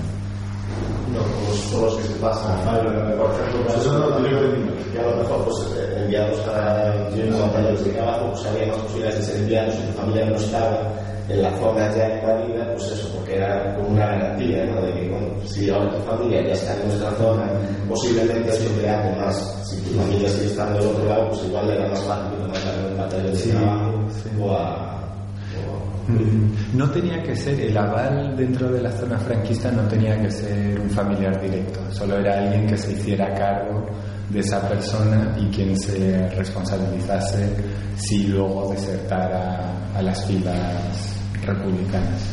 Eh, y estos, eh, algunos eran pasados, pero estos son principalmente prisioneros de guerra, pero también se reciclaba los desertores que pasaban de un bando a otro y los republicanos sí que tenían un sistema para, para hacer eso. Eh, he leído en algún lugar las normas que, que los regían, que les daban una, un premio una compensación en metálico, les daban algunos días de permiso y luego los destinaban a, otro frente del que desertasen para cortar los lazos inmediatos con, con, su antigua unidad, por ejemplo. y luego la cuestión de los marroquíes, sí hay ciertos paralelismos, creo que, hay, que allí la, la motivación muchas veces era económica también, tanto eh, lo que no era el caso para el, soldado de reemplazo medio español. Y también creo que si, si en un estudio así se me hizo difícil incorporar reclutación, reclutamiento en, eh, en Cataluña, en el País Vasco, en Navarra, aquí en Galicia, se me haría más difícil aún intentar como poner la situación, incorporar la, la situación marroquí a esa, visión de, de la cosa. Mira, sí, me toca, sí. Eh, bueno, muchísimas gracias por la, por la presentación, la verdad que me, bueno, tu magnífico castellano, que es casi sorprendente ¿no? para, para nosotros. Eh, y, y además es que el asunto es un asunto central, como te decía la presentación, en fin, ella está trabajando en ese tema, otra también. Eh, a mí personalmente, que no trabajo directamente en ese asunto, me parece una, cuestión crucial. ¿no? Y sobre todo me parece muy interesante eh, tu apuesta por volver a lo empírico, es decir, por, por que lo empirista, ¿no? por descubrir en las fuentes eh, lo que nadie buscaba desde hace muchos años. Y que hoy tenemos que ver y nos permite una mirada nueva sobre un asunto que en teoría era conocido, pero que efectivamente estaba cargado de memoria y yo creo que sobre todo de propaganda, antipropaganda de los 70 años. Eh, y además que yo creo que permite superar algo que aquí discutimos bastante, que eh, propio Francia refería a ello y que él discute mucho con libros de buen criterio, que es, eh, digamos, algo que Federico Rousseau apunta en el último número de Historia Social, lo has leído a propósito de la Primera Guerra Mundial, y él cuestiona toda todo el paradigma derivado del giro lingüístico y del análisis del discurso que estudia la guerra y la, ideología en función de los soldados escritores, no de los soldados. Eh, tú estudias también, y entras un poco en esa lógica, pero estudias a los soldados, no a los, no a los soldados que sabían escribir. no la guerra de los cultos, sino la guerra de la mayoría. Y eso es mucho más difícil, efectivamente. Eh, yo además propondría, propondría incluso, porque es algo que estoy en la de la tesis de refrán nunca comentando, ¿no? pero tú eres un diccionario a veces que Madrid salía el tema también y alguna vez más tiene salido. Yo creo que el único que lo trata, el único que establece la relación que voy a indicar ahora es Fernando Mendiola, tal vez por razones eh, generacionales y vitales.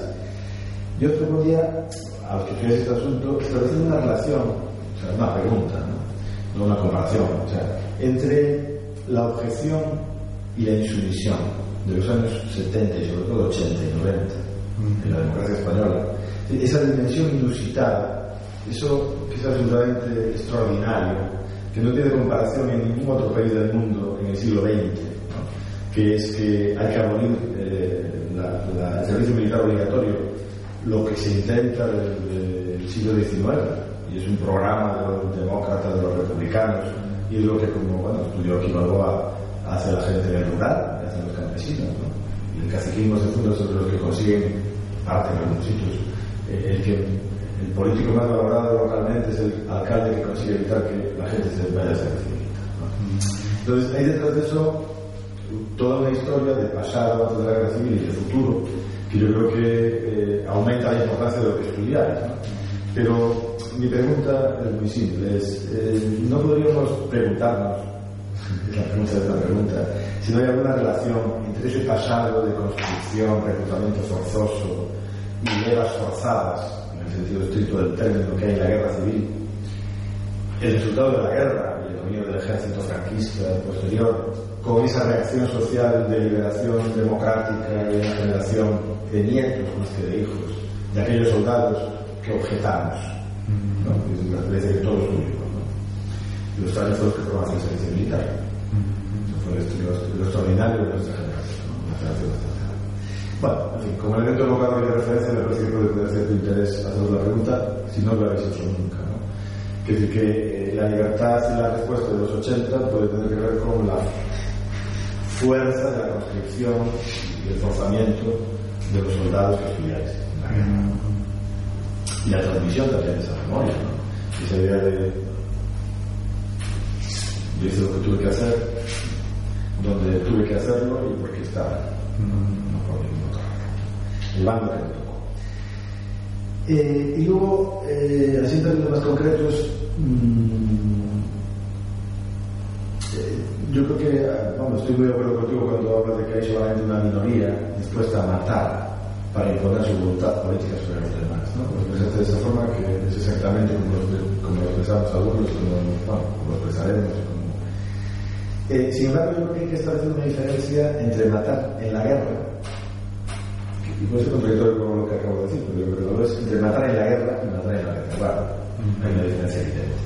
Por lo tanto, matar por una ideología para construir un mundo mejor, en un sentido que lo noto, como esas dos grandes ideologías totalizantes y totalizadoras de la época, ¿no? que exigen además acabar con el, enemigo de clase o acabar con el eh, enemigo político, eh, no es lo mismo, yo creo que debe lanzarse de formas distintas eh, cuando se hace la retaguardia, ¿no? voluntariamente, digamos, ¿no?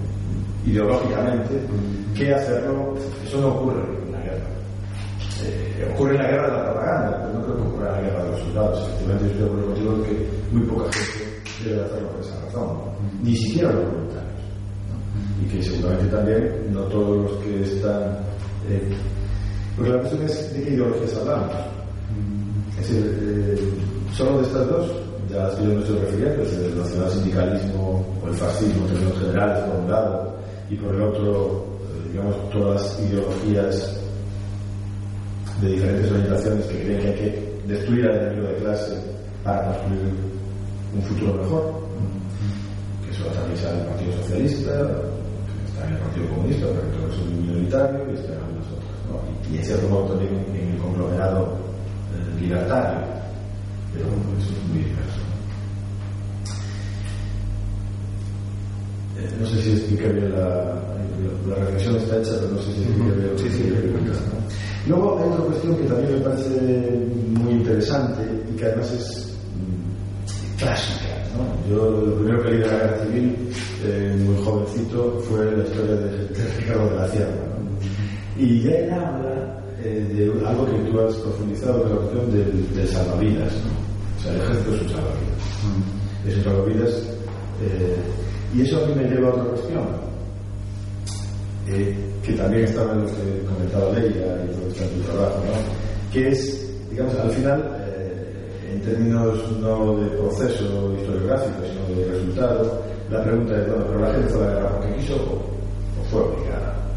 Hizo la guerra porque quiso, o, o sea, hubo adhesión, lo planteaste al principio, ¿no? Hay más adhesión o más eh, forzamiento. Esa es no, no, pido que me respondas a esta pregunta, ¿no? pero si puedes avanzar en ese sentido. ¿no? Porque la idea que tengo precisamente es que eh, una idea muy impresionista, ¿no? Que vosotros, con vuestros trabajos podéis concretar en un sentido o en otro. La idea que tengo es que efectivamente el ambiente de terror era de tal envergadura, y, y lo deduzco además de lo que tú has ido explicando, que, que no se puede decir que sea por coacción, pero digamos que el ambiente.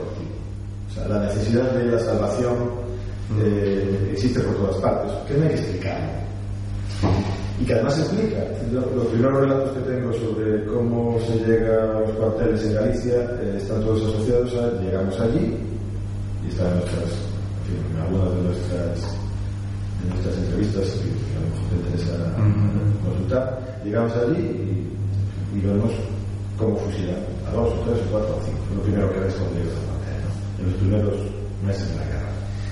Y eso marca, o sea, no, no eres un soldado de leva solamente, no eres un soldado que vas a la guerra, ni siquiera a la guerra civil, ¿no? eres un soldado que puede fusilar, es una cosa distinta. Y ya has visto que estaban por las funetas tus parientes y tus amigos y tus conocidos, vienes de una aldea o un lugar donde eso ha ocurrido.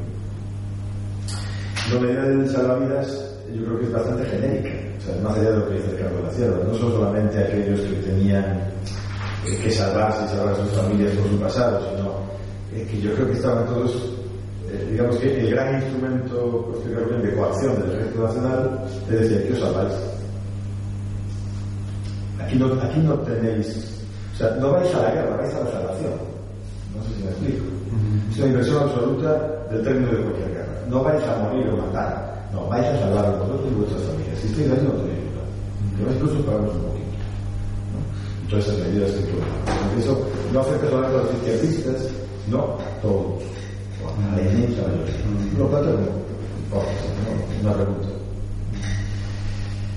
Y, y, porque por otra parte, es verdad, y Leila, en fin, en las primeras conversaciones cuando empezó a trabajar y se veía en sus primeros trabajos y está también en el, en el tuyo, la idea de que, de que el ejército lo que quiere y los bandos lo que quieren es que la gente haga su trabajo se llama modelo, utilizaste esa expresión de lo perfecta. Y por lo tanto lo tratan bien. Lo tratan bien. Si tú cumples, nosotros cumplimos. Es muy simple. No solo te salvas, si estás ahí, sino que además todo funciona.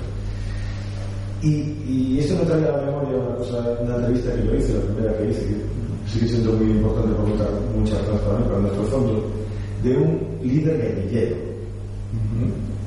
que sale de España en el año 54, el comandante de la agrupación pasional.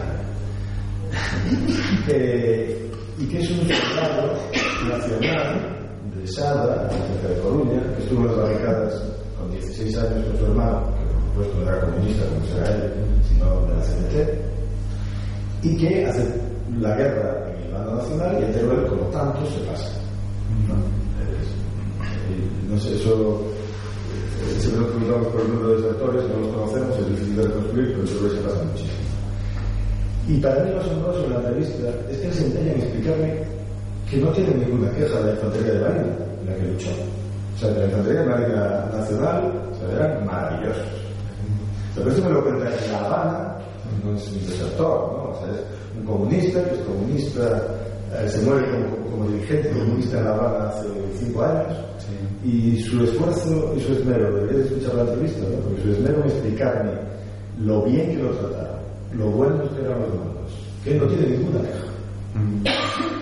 Me resultó asombroso. Eh, conseguí en la entrevista retrotraerlo a, a su juventud por encima de, la admiración por la disciplina. La admiración por la disciplina. Es que aquello, claro, es un comunista.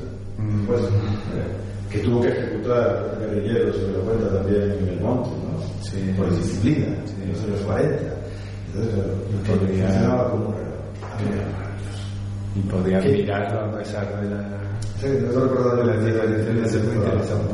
Muy interesante porque yo creo que avala precisamente, bueno, cual, cualitativamente, ¿no? Y por último, eh, no, por último ya está, porque la otra cuestión ya te la planteaba, ¿no? si sería una garantía, eh, y, digamos, la, la, gran garantía de eh, superar el gran miedo de agosto-noviembre del 36. ¿no? -huh. Ah, no, me quedo una cosa. La verdad es que me resulta especialmente importante eh, conocer tu opinión. Eh, insistes con tu buen criterio, en la medida que estudias además el ejército y los ejércitos, en que la guerra es el resultado de un golpe fracasado, que se ha dicho muchas veces. Pero me interesa mucho tu opinión en este sentido, ¿no? eh, relación con algo que estamos preparando y, y que vamos a publicar además. Eh, ¿Tú crees que el golpe, que los golpistas, teniendo en cuenta las situaciones de moda y lo que ocurre, esperaban un golpe fracasado? O sea, es que yo cada vez tengo más la sensación, y cuanto más releo y releo lo que dicen, lo que, lo que sabemos de sus preparativos y de que ellos nunca esperaban un golpe triunfase. Ellos esperaban un golpe, eh, como se ve en las últimas instituciones, que triunfase en algunos sitios y que, como el objetivo de tomar Madrid, y todo está diseñado para tomar Madrid, eh, durase suficiente tiempo que le permitiese traer a los soldados de África, conseguir apoyos externos y conseguir algo parecido a lo que luego ocurrió. Otra cosa es que pensasen que iban a contar con apoyos que no tenían y que luego Galicia fue muy importante, al principio no, estaba, no parecía que fuese lo esencial, se hablaba de Ferrol. Eh, Entiendes la pregunta, ¿no? Y en ese sentido, si, si, si has encontrado eh, medidas mm, o notas o propuestas o, o planos de conscripción previas. Es decir, si, si en los planes de los golpistas hay ya idea de cómo vamos a, a reclutar, o si eso está pensado, o si está por lo menos indicado de alguna forma. ¿no? Bueno, muy interesante. ¿eh? Creo que estamos, estamos pocos hoy aquí por muchas razones, pero esto podría ser casi un acto de masa. No, gracias por, por las preguntas. Eh,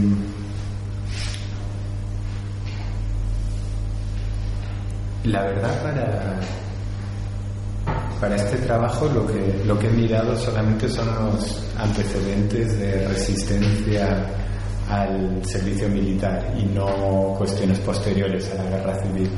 Y eso sí que hay una larga tradición de, resistir activamente eh, ese servicio militar, ¿no? sobre todo el servicio militar en época que mandaba a españoles a, a luchar en Marruecos. Eh,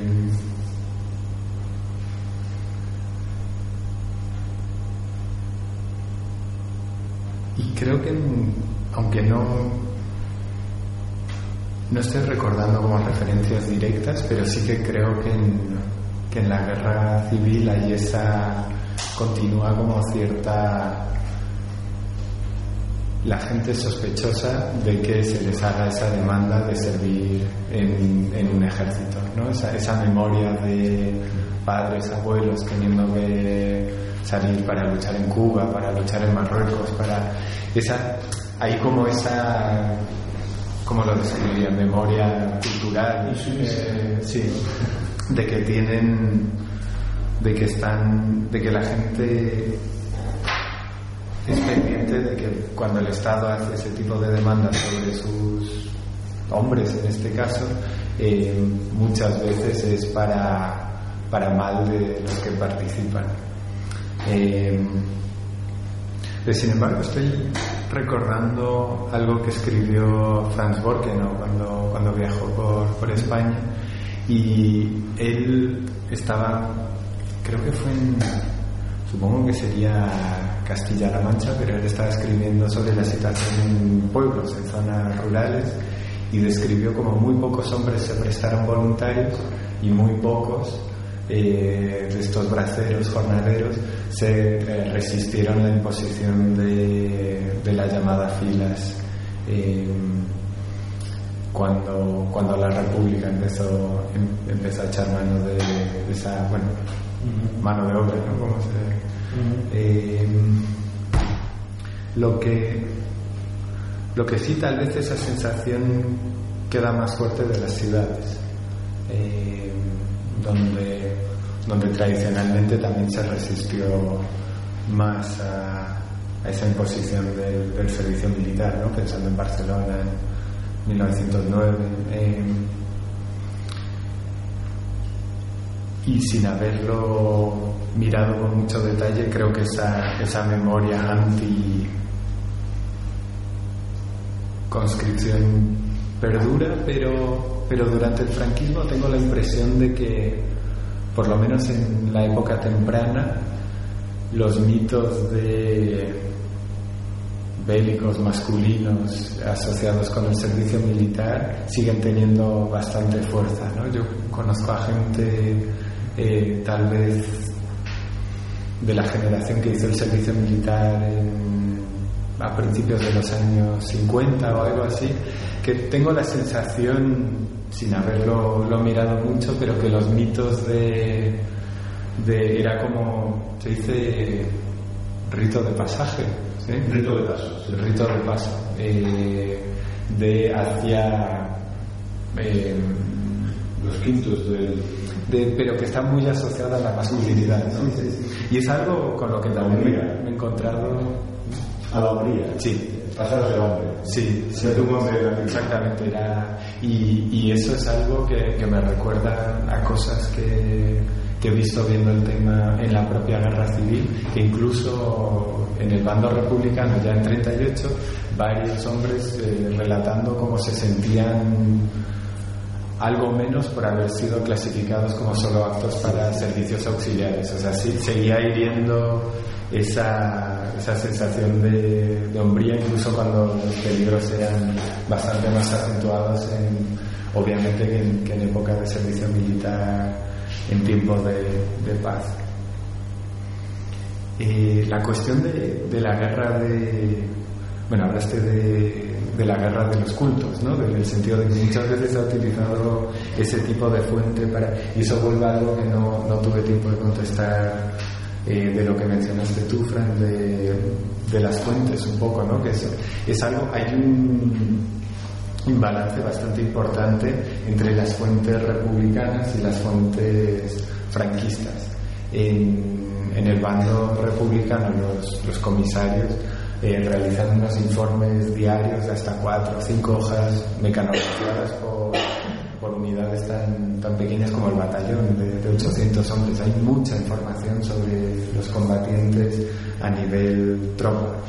Y en el bando franquista muchas veces de la documentación oficial casi no, no se hacen referencias específicas a la tropa, es casi como si, si hubiera un supuesto que, que los machos mandaban y la tropa obedecía y había menos de ese, de intento de, de como eh, de hacer un análisis muy detallado de la situación de, de, la moral en que los comisarios, la verdad, la, el detalle en el que entran sobre la distribución de cigarrillos, de jabón, de, eh, se, puede, se puede llegar a un, a nivel de detalle sobre la vida de, de, soldados republicanos que es prácticamente imposible del bando eh, franquista. Eh, Luego la, la, pregunta de, estoy completamente de acuerdo que es muy diferente el acto de matar en la guerra, en acción bélica, y el acto de matar en retaguardia como parte de la represión. Y yo en todo esto lo que estoy mirando es, eh, es matar en, en, frente de guerra, en, en, en episodio bélico lo que sería interesante, y no sé si, si sería posible de, de, descifrar ahora, sería cuántos de esos voluntarios iniciales estuvieron involucrados en ambas cuestiones. Y me imagino que, que más que alguno, pero, pero es bastante difícil de, de reconstruir eso. Pero las diferencias principales yo las veo como el grado de, de, exposición al peligro. ¿no? Si estás matando en una acción bélica, también te estás exponiendo a un peligro muy, muy eh, evidente, mientras que las matanzas en la retaguardia, normalmente sí que hay casos que un pueblo cae bajo una zona, luego cae bajo otra, pero por lo general estás matando desde una posición muy clara del poder. Tú estás sacando a gente que sabes que están en una minoría o que están en una desventaja de fuerza y lo estás eh, matando sin, sin, ningún peligro personal, un peligro personal mínimo. Y creo que eso cambia muchísimo la, la dinámica de, de esa situación. Eh, también estoy muy de acuerdo en que ese tipo de ambiente crea una amenaza que no se tiene que definir explícitamente. Si estás viviendo ese tipo de día a día que sabes que gente está siendo sacada de sus casas y eh, asesinada sin, ningún tipo de, proceso legal, pues eso te acaba eh, motivando a actuar de una forma, incluso si, esa amenaza no, es, no, se ha, no se ha hecho explícita. Y sobre todo creo que se ve, eh, pensando en las zonas que acaban cayendo bajo los avances del ejército franquista. Madrid cae a finales de marzo del 39 y parece que todo Madrid es franquista. Se ve de, la, y hay, hay allí un grado de, de autointerés, de autoprotección que creo que es muy fuerte. ¿no? También, también eso pasa con, con los, los, soldados de un bando que acaban sirviendo con, con el otro, que esa, esa, ese deseo de, supervivencia es muy fuerte y, y crea cambia rápidamente las, las, acciones y las actitudes hacia el poder y siempre que hay un poder claro creo que eso determina muchas veces la, la forma de la gente con menos poder actuar con, con, esas autoridades. La cuestión del golpe, la verdad no me he cruzado con, con nada que directamente me, me haga pensar que, que suponían que el, el, golpe iba no a fracasar, pero solo tener éxito en algunas partes de, del país. Una cuestión me hizo recordar una pregunta que hizo Michael Albert en, creo que en un capítulo en el, libro de, Paul Preston sobre cuántos eh, oficiales hubieran tomado parte en la, en la sublevación al saber cuál sería el resultado final. Que eso también es algo, entra en lo, lo contrafactual, pero también es interesante.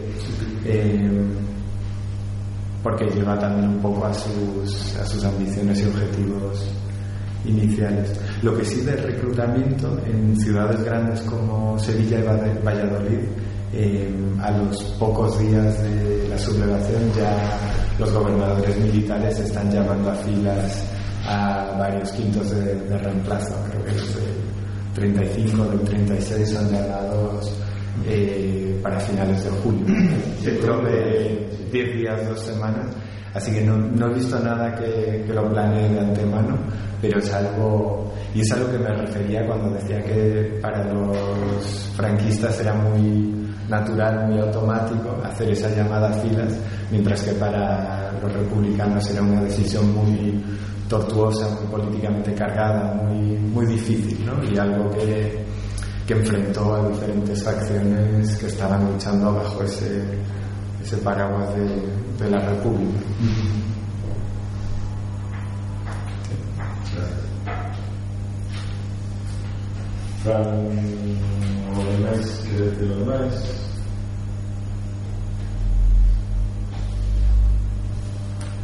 Habla después de la comida. bueno, eh, pues muchas gracias, la verdad. Eh, si me permite antes de una última cosa. Eh, eh, la cuestión de que no. Digo, me interesa no discutirlo, sino contestarlo contigo, que es mucho más de tema que yo, con nosotros. La cuestión de, de que. Es que no es un contrafactual que el golpe fuese fracasar. Es que los planes de moda, si lo relees, tal como han sido publicados hace poco, que solo habían sido publicados por Ricardo de la Sierra, habían sido leídos por algunos, pero no estaban limitados. ¿no? Y dice, si yo, todo es interpretado, ¿no? pero lo que yo deduzco, a lo menos, y lo un poco con esta idea también, ¿no? es que eh, Mola está hablando, bueno, está hablando primero de que hay muchísimas dificultades para conseguir adhesión, ¿no? de que hay muchos tibios. Esa cita reconocida y repetida de que, bueno, el que no esté con nosotros está contra nosotros, y por lo tanto actuaremos en consecuencia, que perjudica el, ambiente digamos, de violencia y la ejecución de los mandos, etc., también está bastante claro. ¿no? Pero es que además en términos militares, en términos de Estado Mayor, en términos de planificación, eh, el interés, digamos, siempre leemos lo que ocurre en la Sierra de Madrid, yo creo que al revés. O sea, entendemos que son los milicianos, que es la memoria, que hay libertad, es un entretenimiento, eso es. Son los milicianos los que van a parar a Mola. Pero es que es Mola el que quiere parar al ejército en, la sierra. O sea, es Mola en sus instrucciones en el que dice que hay que parapetarse en los puertos de la sierra para evitar, saben que Madrid no va a caer. Y justamente el objetivo es tomar Madrid. Y luego hay, digamos, cosas que ocurren que no, sabían, no sabemos, ellos no, no, podían prever si ocurrirían o no. ¿no? Sevilla pues, fue una bendición. Pero bueno, imaginar que Sevilla podía caer era lo mismo que imaginar que Coruña podía caer. ¿no? Oye, Cacerol, Zaragoza también. Zaragoza, por favor, nadie imaginaba otra cosa. Pero eh, el acto en sí del golpe militar es un acto militar, no es un acto político. Es un acto de adhesión, es un acto de fuerza. Depende de quién ejerce la fuerza. Eh, se podía calcular también, eh, y, sí, y, estaba muy, no sé hasta qué punto muy previsto, porque desconozco una investigación, ¿no? Cádiz era una plaza esencial, justamente por el paso del estrecho. Y el estrecho estaba garantizado. El problema es como, pero el estrecho, África estaba garantizada. Eso era lo que estaba más definido. El problema es, claro, pero el esfuerzo por garantizar África es el esfuerzo por hacer una guerra, no por hacer un golpe. Estaba segura eh, Navarra, estaba seguro Burgos, y, y, a través de eso hacían sus planes. Y estaba seguro África, y estaba seguro Canarias. Y casi todo lo demás, esto forma parte de la discusión, no, no lo estoy afirmando, ¿no? casi todo lo demás yo creo que era una incógnita. Y frente yo en los planes de veo, eh, digamos, la intención de una guerra relámpago, estaría teorizada ya, o sea, lo luego sacar el 39, pero que lo habían hecho en la Visinia los italianos, ¿no? y, y, de un golpe de Estado continuado. Eh, porque el objetivo simplemente es eh, todo el objetivo del de inicio de la guerra es Madrid. Y una vez que no cae Madrid, empieza la guerra. Incluso en términos políticos. Me gustaría, insisto en lo que te he comentado porque me interesa conocer vuestra opinión sobre de los demás. En sobre eso lo que a mí me llama la atención y que preguntas es por qué dio golpe de Estado cuando había muchas plazas militares que no estaban seguras, mismo la de Coruña, la, la de Coruña Ferrol, ¿no? que tuvieron que deponer y obligar a deponer de sus puestos a los que estaban armando. A estaba programado. Y a, a, no me acuerdo quién era el otro, para que tuviera triunfar el golpe en, esta, en esas plazas Sí, eso es lo que era la atención. Sí, y de que pensaba que iba a triunfar en algo que, dentro de la lógica militar, ¿no? Un ejército plantea siempre una opción de, de, de, de ganar, pues se tenía que mantener una opción también de retirarse por si. Y ahí, pues, posiblemente yo creo que el fracaso en el año 32, en el golpe de Estado se centró quizás exclusivamente en la Plaza de Madrid y hizo que también esa fuese la que hizo eh, hizo que, que, que, no triunfara, pues hizo que luego también en, en, este, en esta segunda intentona golpista pues fueran las demás plazas militares las que intentaron fortalecer y asegurar para que hubiera un golpe de Estado. Algo que también es cierto modo refuerza como el golpe de Estado en año 1982 se centró principalmente en Madrid. ¿no? Entonces ahí sí, sí, se muestra la, la, la, memoria que tiene el ejército para intentar preparar un golpe de Estado que había fracasado mucho más seguro el del 81, el del 81 era absolutamente, estaba absolutamente garantizado. Todo el poder. En ese sentido, yo lo veo así. Claro que había la posibilidad de que no triunfara, pero a mí lo que me, me llama más la pregunta es por qué aceleraron algo que no estaba seguro de conseguir. Lo más que, que, que tener la. la, la tenéis que dar una respuesta a esa pregunta. ¿No hay una sensación de, de tener que hacer algo? Que los militares y las derechas y había tanta presión por reaccionar de cierta forma a esa victoria del Frente Popular y lo que ellos veían como el descenso del país, eh, que esa esa como motivación de, de hacer algo, incluso si no tuviera éxito. Pero no de la derecha, ¿sí? yo creo que ahí también tenemos una visión, o sea, yo creo que la derecha es fracaso. La derecha, la derecha en la República, la derecha católica fracasa. Sí, Y luego, claro, es, es derrotada. Y por lo tanto, yo creo que ellos no quieren hacer algo, ellos simplemente están derrotados. Entonces, otros sí que quieren hacer algo. Nosotros fracasaste y lo vamos a hacer nosotros. Sería más bien la, De hecho, la vinculación de toda la derecha. No, no, no.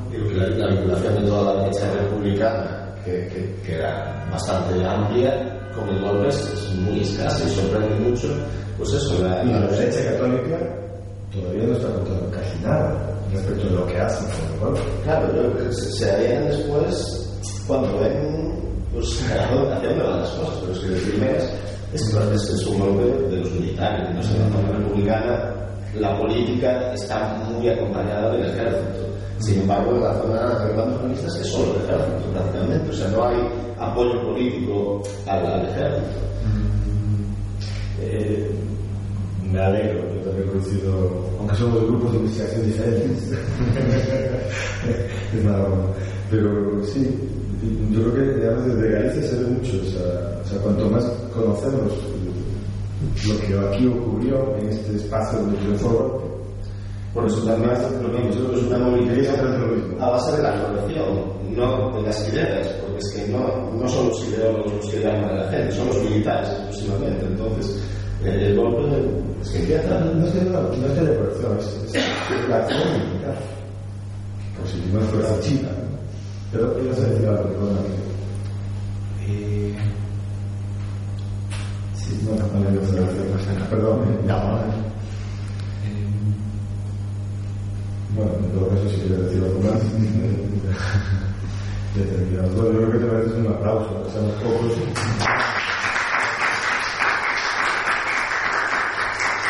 Muchas gracias. no, eso es- por, por venir. Efectivamente, necesitamos contrastar muchas ideas. Este,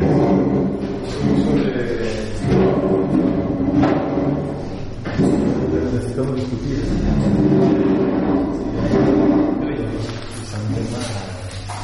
Es un tema de oculto. la de lo que fue Claro, de hecho, la pública hablamos con ella, ¿no?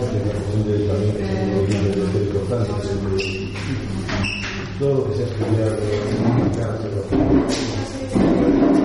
socialistas. ¿El ejército hace franquismo? No. ¿Los hace para siempre? ¿O solo O sea, ¿qué pasa con ellos? Hasta luego, gracias por venir. Gracias a vos. Hasta luego. Y otra cosa también que yo me planteo es qué tan